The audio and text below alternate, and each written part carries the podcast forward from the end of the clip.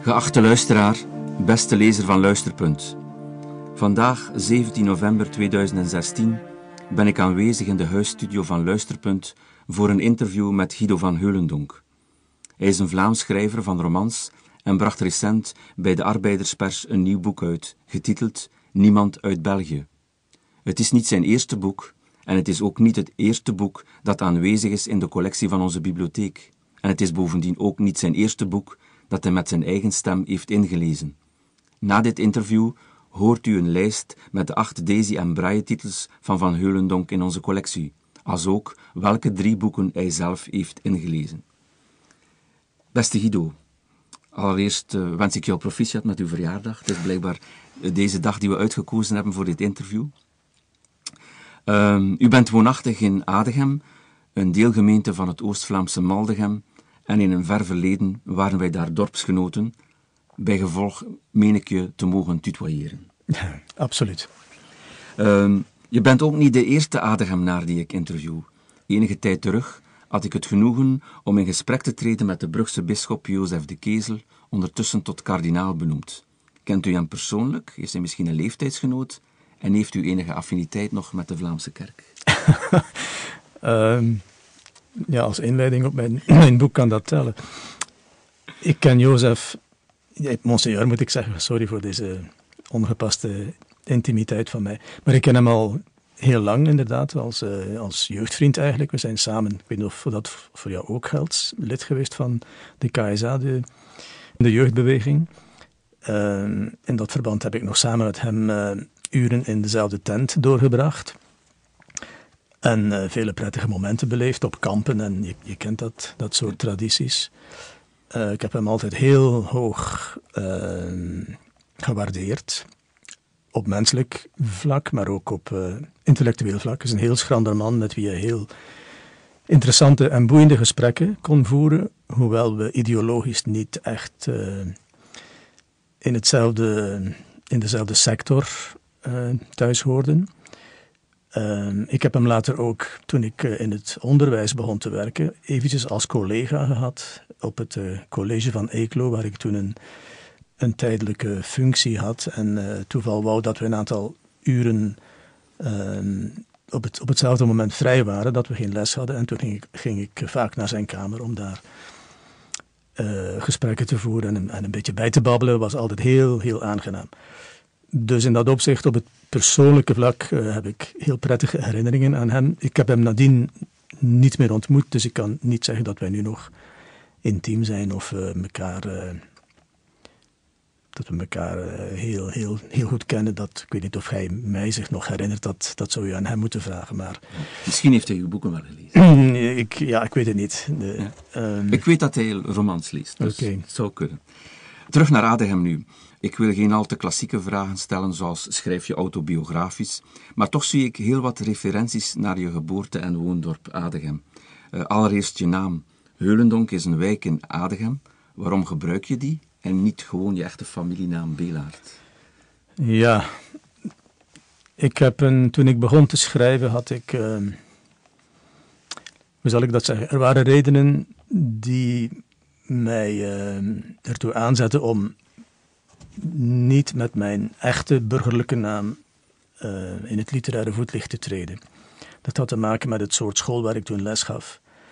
Um, en waar, hoe zal ik zeggen, een literair werk als Beatrice al een beetje over de grens bevonden werd, omdat een non die het, het zondige leven instapte, die zich later weliswaar bekeert en heel berouwvol terugkeert naar de schoot van, van God, maar intussen toch dat zondige leven geleid had, dat vond men in die bepaalde school al een beetje op het randje. En als ze dan een leraar in huis zouden krijgen die uh, zich met misschien nog gewaagdere thema's bezig, bezig hield in zijn, in zijn werken, dacht ik dat dat misschien een probleem zou kunnen zijn. Dus in dat opzicht uh, vond ik het opportun om, om een, uh, een pseudoniem te kiezen. Dat was één reden. Een andere reden was dat je toch altijd als schrijver een beetje uit de maatschappij stapt. En uh, kijk, in de maatschappij functioneren veronderstelt een bepaalde, bepaald respect voor codes. Uh, je, je hebt nu eenmaal ja, compromissen te sluiten elke dag.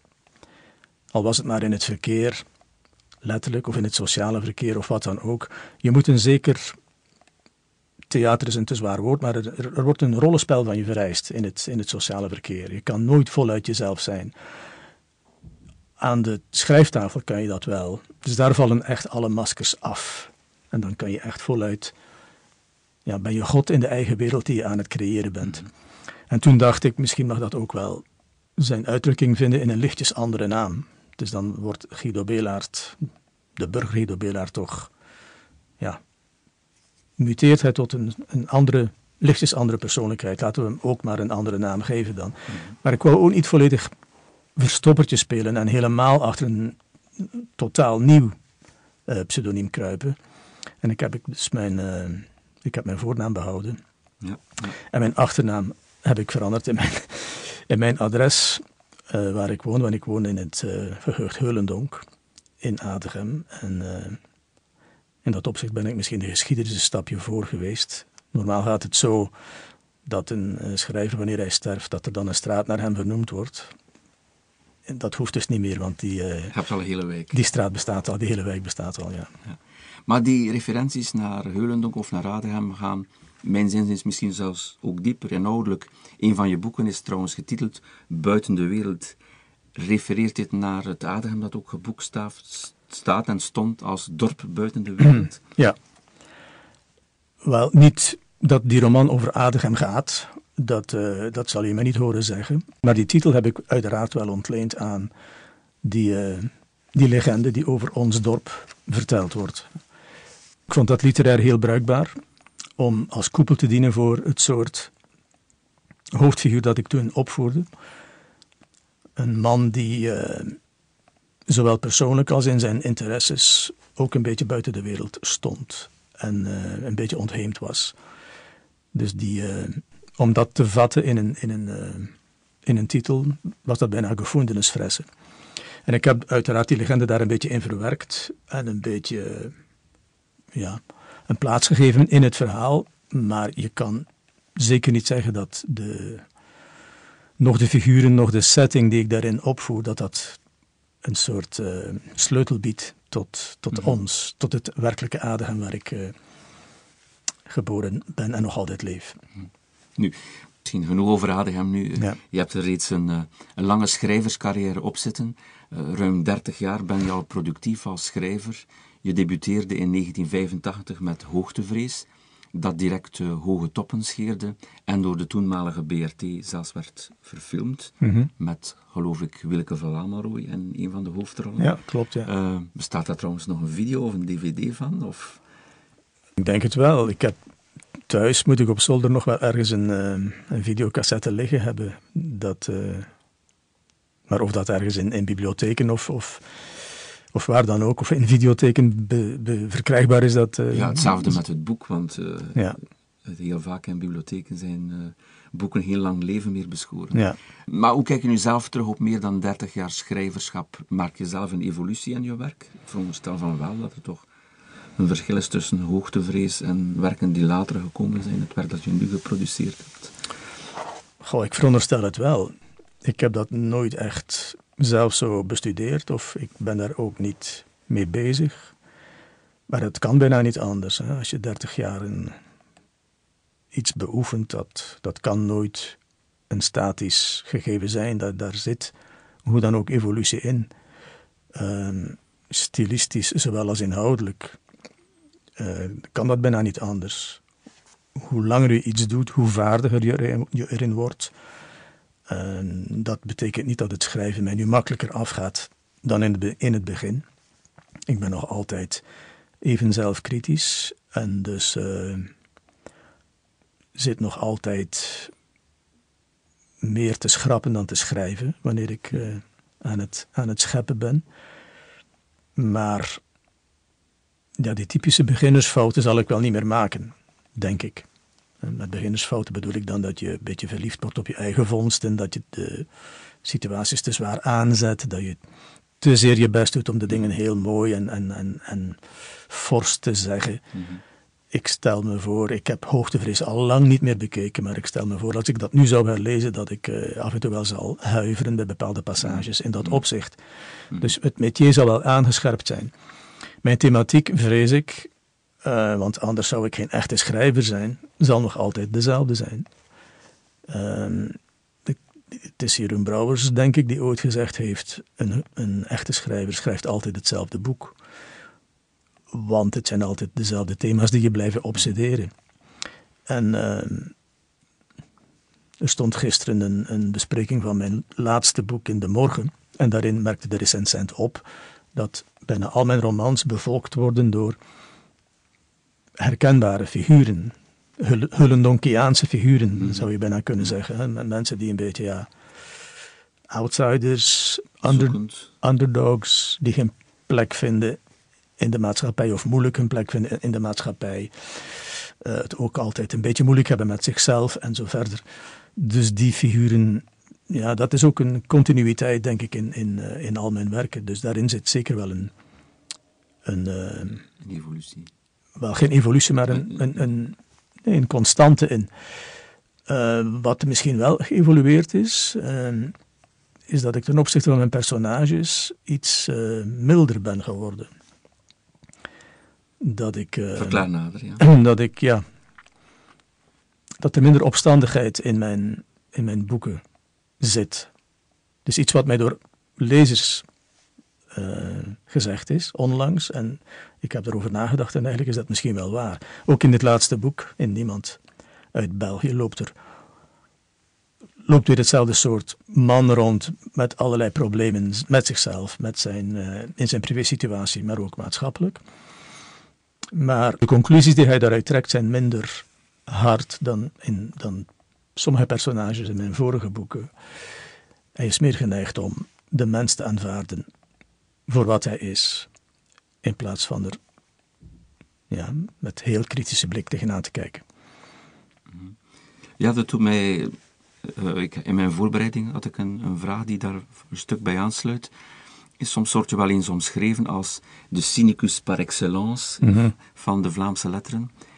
Komt dit omdat je, zoals menig postmodernistisch schrijver of denker, niet langer meer gelooft in de grote verhalen die de zin van de wereld en van het mens zijn verklaren, en je vanuit dat besef eigenlijk twijfelt aan de waarheid van elke verklarende uitleg? Misschien is het een wat gekunstelde vraag, maar heeft het geen zin om zingeving na te streven? Is dat jouw adagium?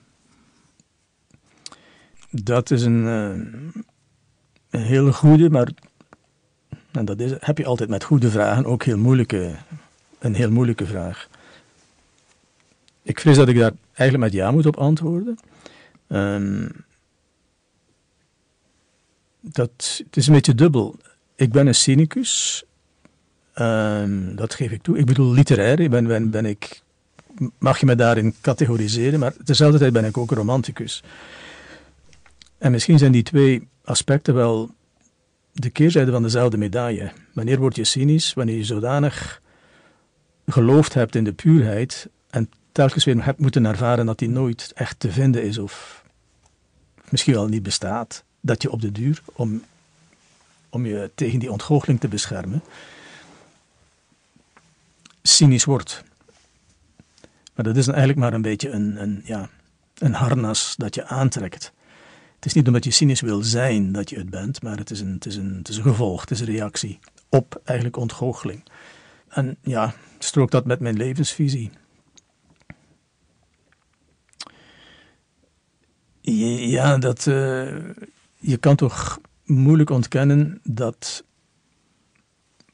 ondanks alle technologische vooruitgang en economische vooruitgang die de mens, dan moet ik al meteen zeggen de westerse mens, geboekt heeft. Want kijk naar continenten als Azië en Afrika, en die vooruitgang is daar veel minder duidelijk. Dat ondanks die vooruitgang we er toch nog altijd niet in geslaagd zijn om dat DNA dat we in ons hebben van Neandertalers uh, in, in, in, uh, onder controle te houden de, het volstaat om s'avonds naar je tv-journaal te kijken, om meteen weer met de feiten geconfronteerd te worden. Dat het nog altijd niet lukt om die om dat menselijke lijden binnen, binnen proporties te houden. Ehm, we doen ons best, maar ja, de, de resultaten zijn er, zijn er niet altijd naar om, om te zeggen, ja, nu heb ik, nu heb ik echt een reden gevonden of aanleiding, aanleiding genoeg om te geloven dat we op weg zijn naar die goede wereld die we allemaal achter, in ons achterhoofd mhm. als einddoel hebben. Maar dit is dus wel een constante die doorheen je werk aanwezig mhm. is, die kijken op, op de wereld en op de, de, toekomst van de mens. Maar de meeste recensenten dichten je, zoals je daarnet eigenlijk voor een stuk zelf al aangaf, je een doordachte schrijftechniek en een sterke stilistiek toe. Maar persoonlijk geniet ik ook heel sterk van je taalbeheersing en je woordkeuze. In die zin doe je me soms zelfs aan Thomas Rosenboom denken. Mhm. Eh, ik weet niet of die volgens jou die vergelijking opgaat. Uh, ik vind het in ieder geval een compliment, al, alhoewel ik moet zeggen dat ik niet zo vertrouwd ben met zijn werk. Ik heb, er, ik heb van Thomas Rosenboom twee boeken gelezen, denk ik, twee of drie misschien. Maar het is ook een man die heel, heel erg met vorm bezig is. En, en met woordkeuze. En met woordkeuze, uiteraard, ja. En dat... Uh, ja, literatuur is zoals elke kunst in de eerste plaats een kwestie van vorm. Ehm, het is niet zodanig wat je vertelt wat, uh, wat het product tot literatuur maakt, maar wel, de manier waarop je dat doet. En ik besteed heel veel aandacht aan de vorm waarin ik mijn, mijn teksten wil onderbrengen. En dat doet Thomas Rosenboom ook. Dus in dat opzicht kan ik me wel vinden in je, ja. in je constatatie. Ja. In een van je andere boeken, de, de verhalenbundel De Echo van de Raaf, die jammer genoeg niet in onze bibliotheekcollectie zit, mhm. maar daar staat een lang verhaal in over, uh, getiteld uh, De Appel van Flaubert. Mhm. En ik heb dit verhaal als, een beetje als Flaubertiaan speciaal voor dit interview nog een keer herlezen. Mhm. En opnieuw allee, vond ik het zo intelligent en ironisch geschreven, vol intertextuele verwijzingen naar Flaubert en zijn Madame Bovary. Heeft de beschrijver Flaubert een speciale betekenis voor u, of is dat... Um, ja, had ik geweten dat je me die vraag zou stellen, ik had die novelle ook eens herlezen. het is al zodanig lang geleden dat ik dat geschreven heb. Ik denk dat het boek van 1991 is of zo, De Appel van Flaubert, of, of De Echo van de Raaf. Ehm, maar los daarvan, Flaubert heb ik altijd heel hoog geschat. Um, vooral om zijn brieven eigenlijk. Uh, het zal misschien raar klinken, maar Madame Bovary vind ik, en nu zal ik uh, me bijzonder onpopulair maken bij heel veel mensen, maar een, een, een beetje een ontgoochelend boek. Ik heb eigenlijk nooit begrepen waarom dat zo'n iconische waarde heeft in de, in de wereldliteratuur. Ehm, ik heb dat wel graag gelezen, maar ik, was daar, ik ben daar nooit kapot van geweest. Ik heb het zelfs ooit eens herlezen, omdat ik zo verbaasd was, telkens weer te moeten horen dat dat een van de meesterwerken was van, van de wereldletterkunde. En uh, toen dacht ik, tja, heb ik, dat, heb ik dat nu zo verkeerd gelezen? Heb ik het opnieuw gelezen? En, um, dus dit, niet als romancier, ook wel als romancier, ik druk mij voorzichtig uit, ook wel als romancier schat ik hem hoog in. Ehm, hoe heet dat andere boek van hem, Bouvard en Pécuchet, heb ik ook gelezen. Dus het, dat, dat is stilistisch heel knap. Maar vooral zijn brieven hebben mij uh, onvoorwaardelijk tot, tot, hem, tot hem bekeerd. Daarin vind ik hem een, een meesterlijke stylist, ook, ook heel grappig, heel geestig, heel ironisch, heel wereldwijs ook. Ehm, ja, die, die zijn echt, echt uh, ja. heel, heel knap. Je moet ook eens Reis door de Orient lezen. Dat is ja. Ook, uh... ja. Ja, en, uh, en zijn, ja, kan niet op de titel komen, zijn jeugdwerk. Of, of ja, ja. doet, doet wel goed, de zaken.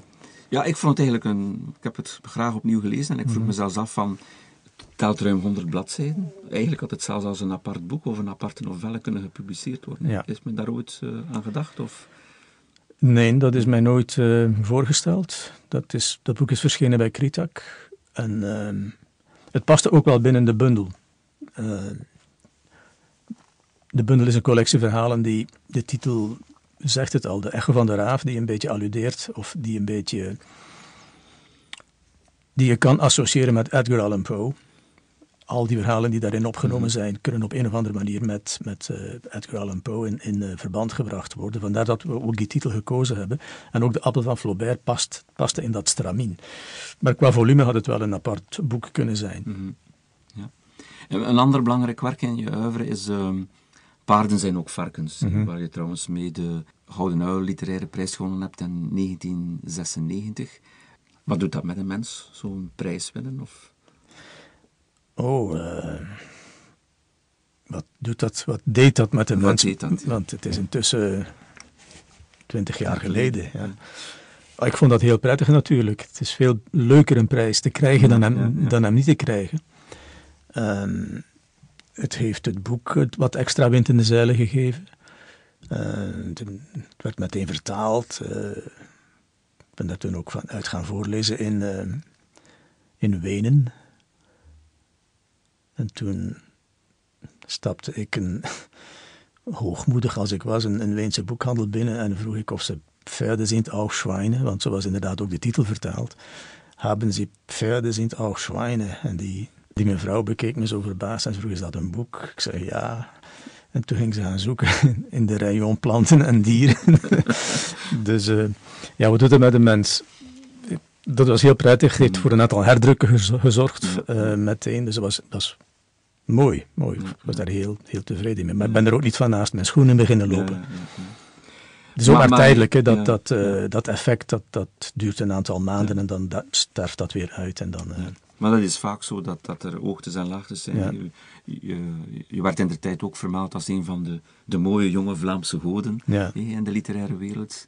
Je ging je eigen weg, maar de belangstelling taande ook op een bepaald moment. Mhm. Mm -hmm. Als je dan die hoogtes en die laagtes ziet en je vergelijkt met andere schrijvers die dan wel gehyped zijn geweest en en gebleven zijn, mm -hmm. voel je dan voor een stuk een miskend auteur binnen het literaire veld?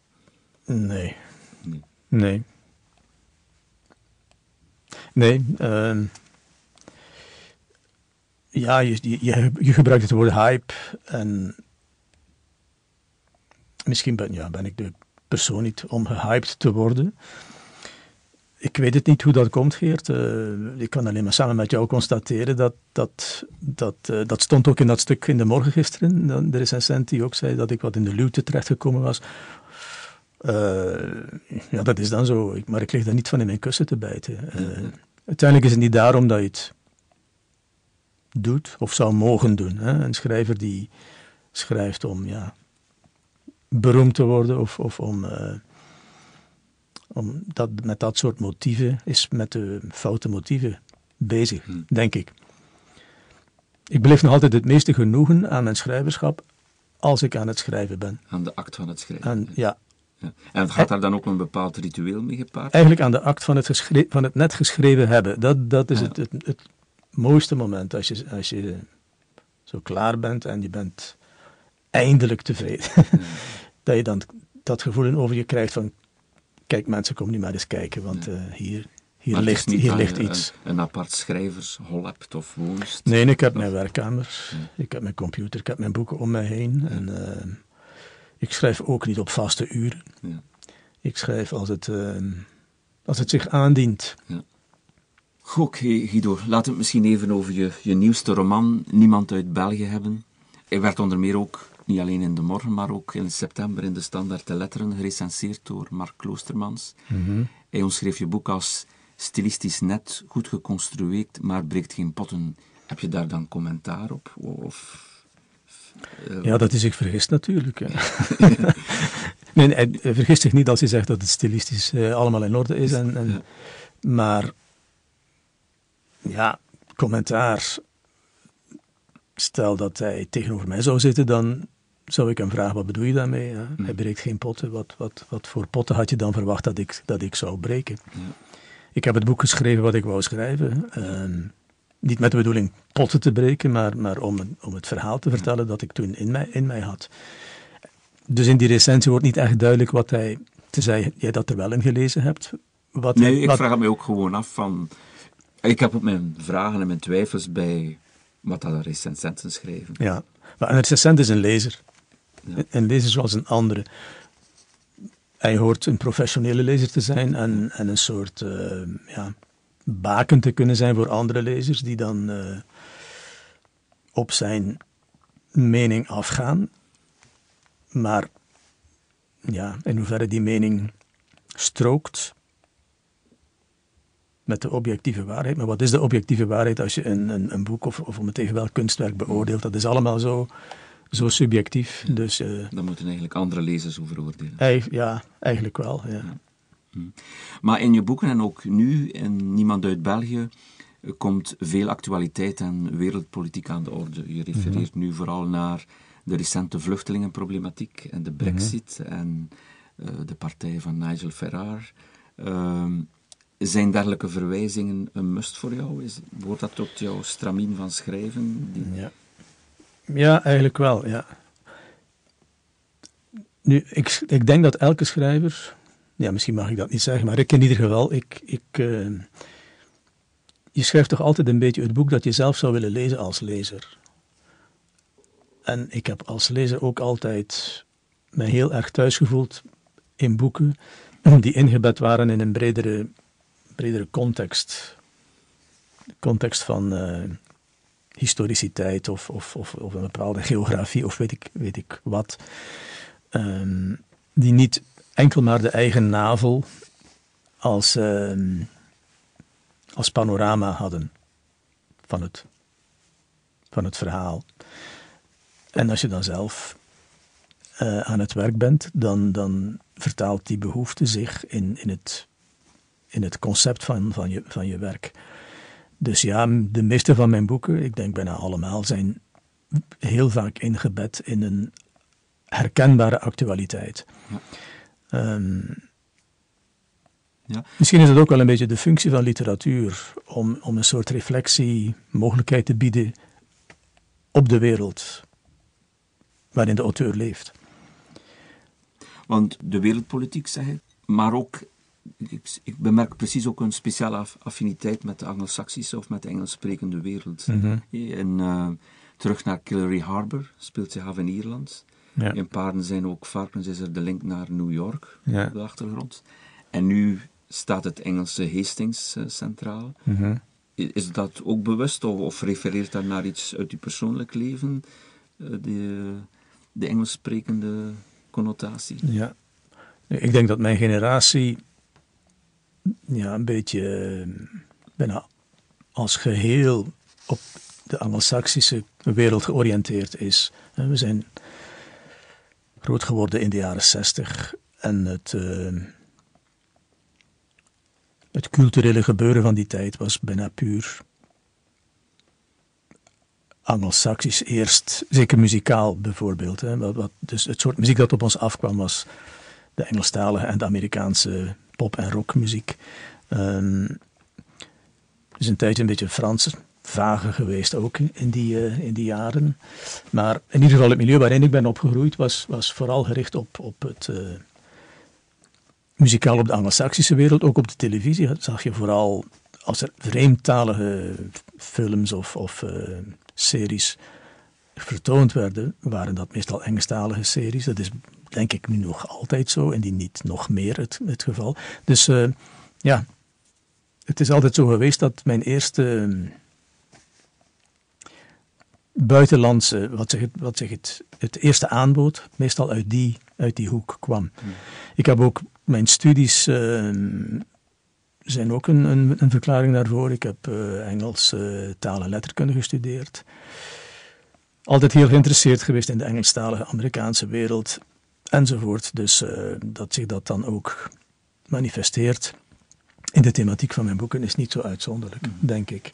En ook, ook wel in de stilistiek, want in het, uh, er zijn een aantal recensies, onder andere in Knak, uh, opgemerkt door de recensent dat met name niemand uit België hem uh, deed denken aan een ja, een soort Anglo-Saxische stijl.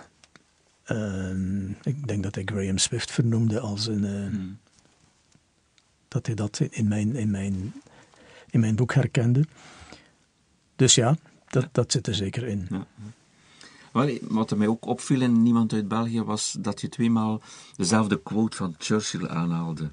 Ehm, waar vechten we dan nog voor? Kan je dat toelichten? Heb ik dat tweemaal aangehaald? Dat staat daar twee keer in, ja. Tweemaal, ja. Ja. Dus ik mij vergis in mijn hmm. lectuur. Maar, uh, maar zelfs al was het maar eenmaal, ik vond het een, uh, een, tot de verbeelding sprekende quote die heel goed paste bij waar het boek over gaat. Ja, ja de quote van Churchill is, uh, is het antwoord dat hij gaf aan zijn minister van Financiën tijdens de Tweede Wereldoorlog, die bij hem erop aandrong om ehm, het budget cultuur wat terug te schroeven om het vrijgekomen geld te kunnen investeren in de oorlogsinspanningen.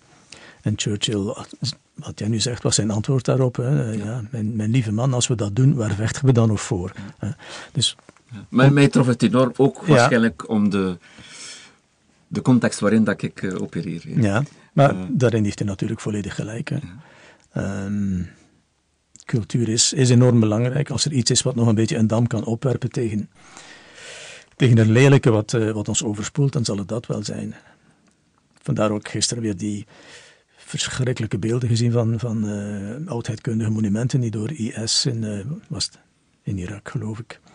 Assyrische monumenten die de lucht in geblazen worden. Ja, dat is om, dan voel je je hart scheuren bij, bij de aanblik daarvan. Nee, we kunnen de cultuur niet genoeg koesteren doorheen al je boeken, maar ook uh, hier nu, haalt ook een zekere, niet alleen een cynisme, maar ook een milde ironie, sarcasme, licht sarcasme.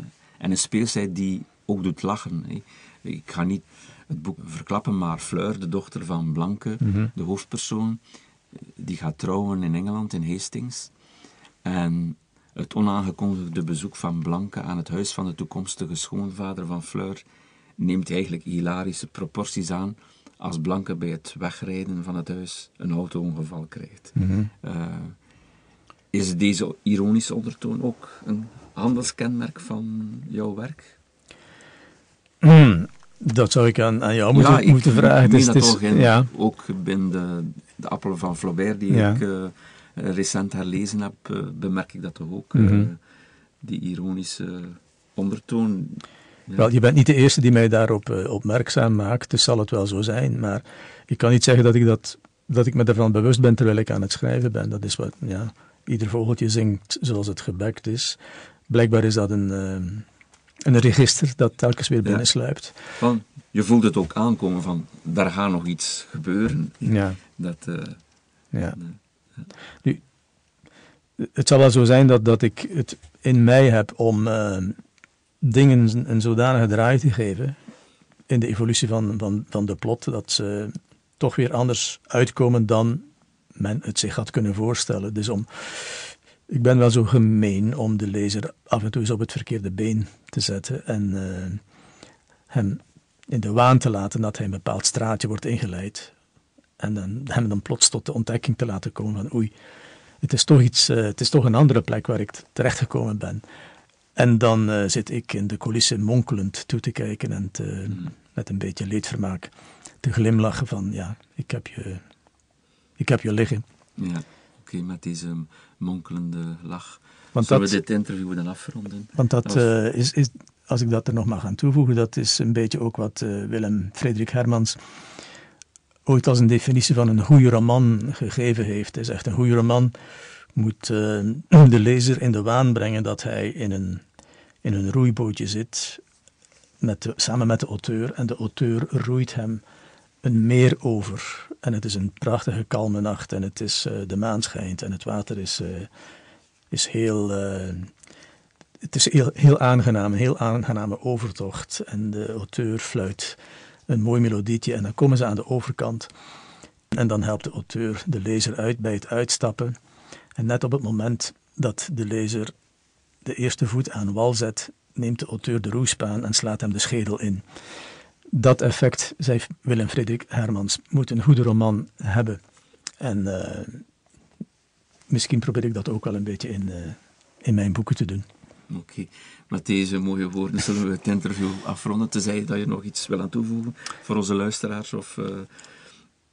dat die ene recensie van Mark Kloostermans de enige negatieve was. of ja, de enige minder positieve, dat het boek voor de rest heel goed onthaald is. Ook in Noord-Nederland is het uh, heel goed onthaald. Dus ik bedoel, dat de lezer zich niet laten afschrikken door... Nee, nee, dat kan ik alleen maar beamen en ik kan iedereen aanraden om dit nieuwe werk van uh, Niemand uit België te lezen. Guido, hartelijk bedankt voor het interview en ook het inlezen van jouw boeken. Met plezier.